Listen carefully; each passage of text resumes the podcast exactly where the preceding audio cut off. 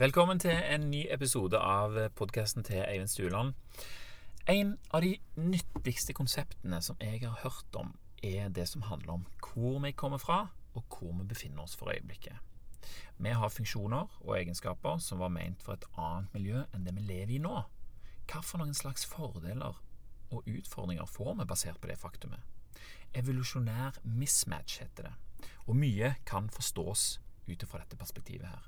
Det er den tydeligste ting i verden, men vi tenker lite over hva det vil si for oss sånn som vi lever i dag. Selv om alle vet om det, og alle har sett det. Alle vet at vi kommer fra en annen tid og et annet miljø, at vi har beveget oss gjennom en vanvittig endring i alt vi foretar oss. Vi vet dette fordi vi har sett det på TV, og vi har besøkt arkeologisk museum, vi har til og med lært om det på skolen. Og det er ikke bare oss. Vi har sett skjelettene til dyr og fossiler av planter som viser den utviklingen de har hatt, akkurat som vi har sett hodeskallene, føttene og hendene til våre forfedre som viser utviklingen som vi har hatt. Vi har hatt den samme type utvikling som plantene og dyrene har. Vi kommer fra dyrenes rike, men vi føler ikke at vi hører hjemme der. Vi, vi føler det ikke sånn, selv om det er sånn. Sant? Vi er noe annet. Vi er noe mer. Og det er litt sant på et vis. Vi lar oss sjøl være noe annet enn et dyr, i det minste. Vi er helt unike i måten vi er i stand til å oppleve verden på. Vi er i stand til å endre habitatet vi lever i, sånn at det kan passe bedre til de funksjonene som vi har oppnådd for oss sjøl noen dyr kan òg dette her, men ikke i den grad at de flyr gjennom lufta i stålrør mens de tar seg et glass vin og nyter en liten eh, pose med nøtter. Sant? Det er ganske, ganske unikt eh, på denne jordkloden. Og disse egenskapene her, det var det jo Charles Darwin som først lærte oss at vi hadde tilegnet oss gjennom evolusjon. da. Alt for å bedre kunne operere på en effektiv måte i det habitatet vi befinner oss i. Og den spede veksten av hjernen våre stamfedre en gang begynte på, sant? Viste seg å gi såpass gode vilkår i forhold til omgivelsene at vi fortsatte denne veksten av dette organet. Litt og litt så viste det eh, seg at de som hadde fordelen av en hjerne som kunne utnytte en mer generell tilnærming til habitatet sitt, var de som oftest overlevde. De som oftest overlevde, var òg de som oftest fikk barn, og de barna kunne muligens nyte samme fordel som foreldrene hadde hatt. Og denne hjernen ga de en bedre forståelse av hvordan ting hang sammen rundt de, altså der de levde, og en bedre evne til å samarbeide seg imellom. Uh, og det var en fordel når det kom til å utnytte ressurser, og når det kom til å tåle motstand. De som var flinkest, de fikk det mest når forholdene var gode, og det var òg de som klarte seg best når forholdene var dårlige. sant? Og de fikk levere sine resultater videre til neste generasjon. Tilfeldige egenskaper ble beholdt i genomet gjennom små fordeler her og der underveis, men de største endringene skjedde plutselig og voldsomt. Vi ser gjerne for oss fortiden at det inneholdt en masse katastrofer, sånt vulkanutbrudd og tsunamier og jordskjelv og en og annen meteor. Fortiden inneholdt en masse katastrofer, men ikke oftere enn i dag. Husk, fortiden er veldig veldig lang, og vi snakker veldig sjelden om det som er imellom der. Men hver gang det skjedde noe voldsomt, så ble altså befolkningen tynna ut. Og av de som overlevde, så var det de som var mest kreative og fant alternativer til ressursene de var vant til før katastrofen, som klarte seg bedre enn de andre. For eksempel. Sant? Det er mange mange grunner. Dette er ett eksempel. De som var motiverte og hadde eller tilegna seg egenskaper de brukte for å overleve. Hver gang var det de som klarte seg best til tross for utfordringene, hva det nå enn måtte være, som fikk føre sine gener videre. Og Vi tenker kanskje i dag at det er best å være sterk og ha stor kapasitet, men det er ikke sikkert at det er best når ressursene er knappe. Når det er veldig lite mat. Da er det kanskje best å kunne bruke lite energi og kunne tære på reservene. De som trengte mye energi, kanskje de ikke fikk nok og, og døde av sult. sant? Survival of the fittest betyr ikke den sterkeste overlever, som vi ofte ser for oss. Fittest det betyr ikke sterk. Det er den som er best tilpassa en gitt situasjon, som surviver. Og etter langt om lenge så sitter vi her, da. Og en ting som er vanvittig kult å tenke på, er at vi alle har ei eneste felles mitokondriell stammor som vandra rundt i Afrika for 200 000 år siden. Absolutt alle mennesker stammer fra hun.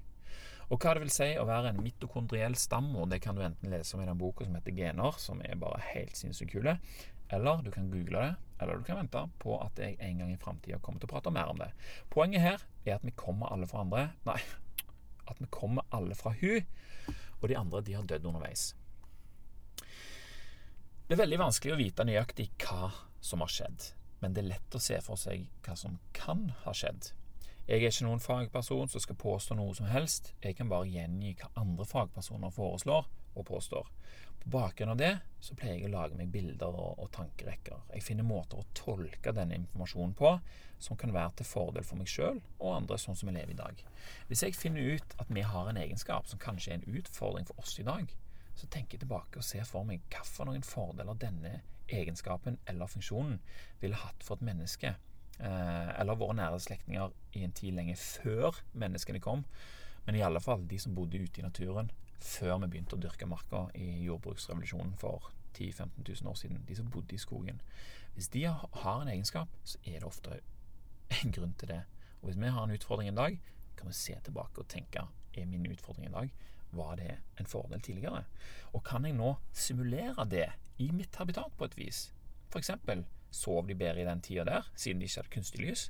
Kan jeg unngå kunstig lys i mitt habitat og sove mer sånn som de gjorde, i tillegg til å nyte komforten av en god seng, som vi nå har oppnådd med vår uh, fantastiske hjerne? Sant? Altså, hvordan kan vi få fordelene fra både biologien vår og den smarte hjernen vår, som har utvikla flygende stålrør og puter og ovner og alt mulig sånt? Det er vanskelig å vite hva som er sant, og det er vanskelig å vite hva som er ekte. Derfor prøver jeg å styre under det. Enhver persons egen sannhet er det som gjør denne personen i stand til å handle. Og denne personen handler på bakgrunn av det han vet. Sånn altså, vi går rundt, og så vet vi det vi vet, og det gjør at vi handler. Sant? Det er ikke sikkert at det vi vet er 100% sant for absolutt eh, alt, men det er det vi vet, og det er det vi handler etter. Og det er en forskjell på å vite en universell sannhet og det å se for seg noe som gjør det logisk hvordan en person kan oppføre seg og handle til sitt eget beste. Noen mener at mennesket er opptatt av å vite sannheten. Andre mener at de er opptatt av å få andre til å se sin, sin sannhet. Og hvis jeg i mitt liv lærer noe som høres fornuftig ut, så tar jeg det til meg. Jeg leter etter måter å skjønne hvor jeg sjøl kan ha nytte av denne informasjonen. Jeg forsøker å lage en modell av denne sannheten som kan passe til mitt liv. Og hvis jeg finner en måte å bruke den på som gjør at jeg får til noe, eller forstår noe som er bedre enn det jeg var uten denne informasjonen, ja, da bruker jeg jo det.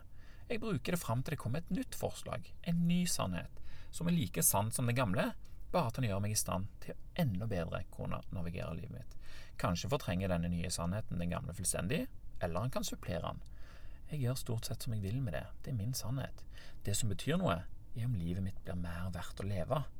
Om det ender opp med å inneholde mer mening enn før, og eventuelt få et større potensial for å i fremtiden inneholde mer mening. Om andre mener det er feil, spiller ikke så stor rolle. Men de må gjerne forsøke å lære meg noe annet enn det jeg allerede vet, eller tror jeg vet. Blir jeg overbevist, ja, da blir jeg fornøyd, for da har jeg nok en faktor som kan gjøre meg i bedre stand til å leve et liv som jeg syns er verdt å leve. Mennesker de velger sjøl hvor kritiske de skal være til nye forslag til sannheter. De fleste velger jo den sannheten som gir de gode følelser, eller i det minste den følelsen de forbinder med godhet for seg sjøl. Spørsmålet kan da bli hva for noen følelser som kommer, og hvem eller hva det går på bekostning av. Vil valgene basert på denne sannheten gi kortsiktig belønning med en senere konsekvens, eller vil de gi en langsiktig belønning med en mer umiddelbar konsekvens? Blir totalen av kostnaden og nytten positiv eller negativ sant? i det lange løp? Hvis du trekker fra Du ser ok, dette er nyttig for meg, men dette er kostnaden i det lange løp. Hva blir totalen da? Den kortsiktige gleden den vil kanskje oppleves som mer attraktiv, siden den kan oppnås her og nå, og, og, det er den eventuelle konsekvensen som kommer seinere, som kan gjøre det samme valget til et dårlig et totalt sett. Men det er vanskelig å tenke på. Den langsiktige belønningen den føles kanskje mindre attraktiv ut her og nå, siden den befinner seg i framtiden, og vi forbinder en sånn belønning i framtiden med noe usikkert. Best å være sikkert, det tenker vi ofte, men er det best i lengden? Noen ganger så er den umiddelbare konsekvensen billigere enn den som er forsinka. La oss bare bli enige om det. Den kortsiktige og den langsiktige belønningen har begge sine fordeler og ulemper, og det forholder vi oss til hele tida. Om det er lurt å følge den ene eller den andre, er vi mennesker gode til å justere etter hva vi føler for her og nå, der og da. Som sagt, noen mener sannhet er noe universalt, andre men mennesker mener at vi ønsker å overbevise resten om vårt eget syn på hva som er sant. Jeg er ikke noe annerledes, jeg. en gang, så visste jeg at jordkloden var som et kart som var over oss i himmelen, og som speila nøyaktig det som skjedde på dette stedet som jeg befant meg på, som jeg en gang ikke hadde noen tanke om hva var. Det ville jeg at andre òg skulle skjønne, helt til jeg lot meg overbevise om noe annet. Det var faktisk vi som var på jordkloden. Min svoger forsto når han var liten, at de som døde og kom til himmelen, de befant seg inne i de oransje kulene som befinner seg på høyspentledninger for å gjøre det tydelige for flygende maskiner. Han har en annen tanke i dag. Den oppleves som like sann som den han hadde når han var yngre. Og det er ikke bare barn som skaper oppfatning, oppfatninger på feil grunnlag. Lenge så trodde vi at rotter heller ville drikke kokainvann til de døde enn å spise næringsrik mat og, og, og, leve. Og de som studerte dette og fant svarene de presenterte for alle andre, de var forskere som mange stolte på. Og vi trodde på disse forskerne. Vi trodde på det de visste var sant. De hadde jo labfrakker på og hadde studert dette her. Det var bare det at disse rottene befant seg i et begrensa miljø uten stimuli. Det var, sant i et, eh, det var sant i et miljø uten stimuli. Da ville de drikke kokainvann. Men helt feil når rottene befant seg i et miljø med ny stimuli. Nye farger, nye leker, nye utfordringer å bryne seg på. Da brydde de seg ikke like mye om vann med kokain i. De hadde andre ting å tenke på. Nye ting. Det blir lite grunnlag til å skape nye synapser i et miljø uten ny stimuli. Synapser det er koblinger mellom hjerneceller. Nye synapser er nye koblinger mellom hjerneceller. Og det er det som gjør at vi kan forstå og klare nye ting. Vi får heller ikke noen nye synapser om vi gjør det samme om igjen og om igjen i et miljø med potensielt mye stimuli. Mennesker er vanedyr, og de har tendenser til å gjøre det samme om igjen og om igjen i et miljø med potensielt mye stimuli. Vi lever jo i et miljø med potensielt veldig, veldig mye stimuli, men å oppsøke ny stimuli som gir nye synapser, krever mer innsats enn å følge synapser som er godt innarbeida i, i, hjernen. Og de er òg kjent som gamle vaner. Det har du sikkert hørt om. Vaner er en enklere vei til en god følelse enn å oppsøke ny stimuli med en følelse som bare potensielt er bedre enn den du kan så godt fra før. Best å være sikker, tenker vi ofte, men er det best i lengden? Uten ny stimuli, ingen nye synapser. Uten nye synapser fortsetter vi med det vi kan fortsette med. Nye synapser blir til i hjernen når vi lærer noe nytt og vi opplever noen nye ting. Hjerneceller kobler seg sammen på en annen måte, på en ny måte. Og når vi lærer noe nytt, så får vi en ny forståelse av hva som er mulig. Og da endrer òg posisjonen til mennesket seg i den totale forståelsen av hvordan ting er for den personen. De gamle vanene har sine egne synapsekoblinger, og hvis vi stopper å tenke i gamle vaner, så vil disse synapsekoblingene bli mindre brukt, og blir da mindre viktige. De begynner å forvitre. Hjernen endrer seg fysisk. Vi kan faktisk lære en gammel hund nye triks. Vi må bare ha tålmodighet til å la de nye triksene overskrive de gamle, og det er det som gjør at det føles krevende.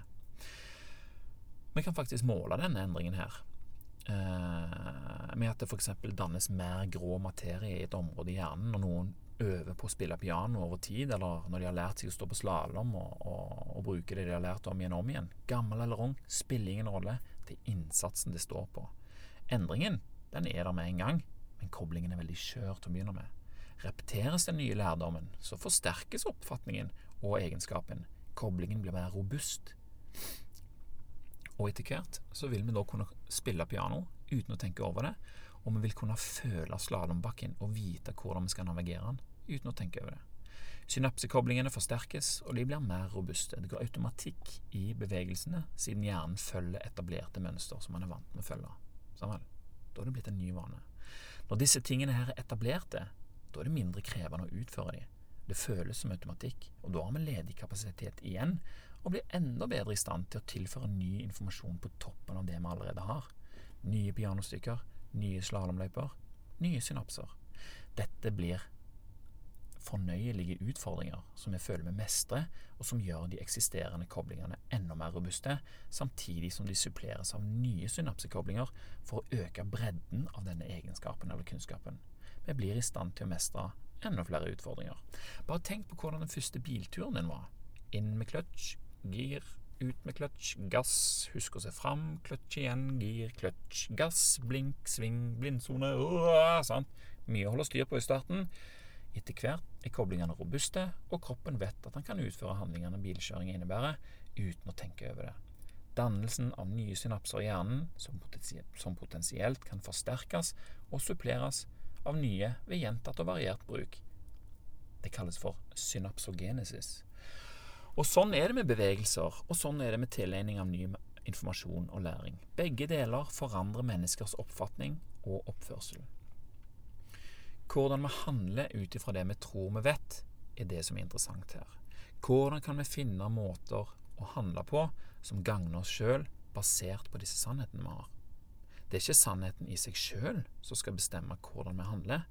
Det er vi som må sette sannheten i et perspektiv som gjør det logisk for oss å handle på en måte som gagner oss. Resultatene av det vi gjør, det vi oppnår for oss sjøl, blir en mye sterkere sannhet enn det verktøyet vi brukte for å komme dit. Kan vi lage bilder på det som skjer, basert på det vi vet? Jeg syns det blir lettere om jeg gjør det. Spesielt om jeg tenker på de som bodde i skauen før jordbruksrevolusjonen. Hvorfor hadde de fordeler av egenskapene som vi finner plagsomme i dag? Hva gjorde at de samme egenskapene ikke var plagsomme for de? Om det er sant for alle andre eller ikke, spiller ingen rolle. Om det er sant nok til at det blir noe synapsogenesis av det, det er det som er viktig for meg. Du skal ikke holde et foredrag for en ekspert på området med liksom hvit frakk og som kun gir deg lov til å bruke denne kunnskapen om han godkjenner ditt syn på saken. Det skal ikke være så vanskelig. For deg er òg det viktigste om det blir noe synapsogenesis ut av dette. her. Resultatet av handlingene dine, hva du føler du oppnår, bestemmer om dette er bra eller dårlig for deg. Og for å få dette til, så er vi nødt for å tenke en del. Og det er ikke alltid vi har tid til lenger. Det er iallfall ikke alltid vi tar oss tid til det. Og da blir det vanskeligere å finne ut av disse tingene, lage disse bildene og skape disse perspektivene. Vi kan ikke gjøre det mens vi ser på TV eller scroller. Vi kan godt føle at vi blir inspirert, men hvor mye inspirasjon skal vi ha før vi begynner å tenke over hvordan inspirasjonen skal produsere synapsogenesis for deg i en retning som du ønsker å dra? Nei, hvis vi ikke gjør det, så ender vi opp med å få det som havner i vår vei. Ting blir mer tilfeldig, og ofte basert på det du allerede er vant med å få. Sant? Dine gamle vaner fører ofte til de samme resultatene som de alltid har gjort. Det holder ikke å vite hvordan noe fungerer. Skal det skje noe nytt, så er vi tjent å tenke på hvordan det kan fungere for oss. Sant? Vi er jo alle forskjellige. Vet vi hvordan noe fungerer, og hvordan det virker på oss, så kan vi kjenne det igjen når vi opplever det og da kan vi òg tenke på hvordan vi ønsker å handle på en måte som gagner oss i lengden. Hvis vi vet om evolutionary mismatch, så kan vi tenke eh, på hva f.eks. stress, denne fight or flight-responsen, hva den er ment for å gjøre. Og da kan vi oppdage at vi får den reaksjonen i helt upassende situasjoner, som gjør at vi handler på en liten konstruktiv måte for oss sjøl og de rundt oss. Skjønner vi at det er det som skjer, så blir vi kanskje motivert til å tenke på hvordan vi kan unngå det. Og da, da er vi i gang. Vi blir i stand til å ferske oss sjøl i en oppførsel som vi ikke ønsker, og vi kan begynne å øve oss på egenskapen som skal tas tilbake til homeostasis. Homeostasis det er da kroppen er best i stand til å tjene ønskene som kommer fra hjernen. Og inni hjernen er jo du. Og jeg vet at du har mange tanker om hva du og din kropp kan klare sammen. Høres ikke det kult ut å være i homeostasis? Og det skal vi høre mer om i neste episode. Følg med på den, for dette her kommer til å bli gøy. Synapsogenesis, here we come! Takk for meg, takk for deg som hørte på, og snakkes neste episode.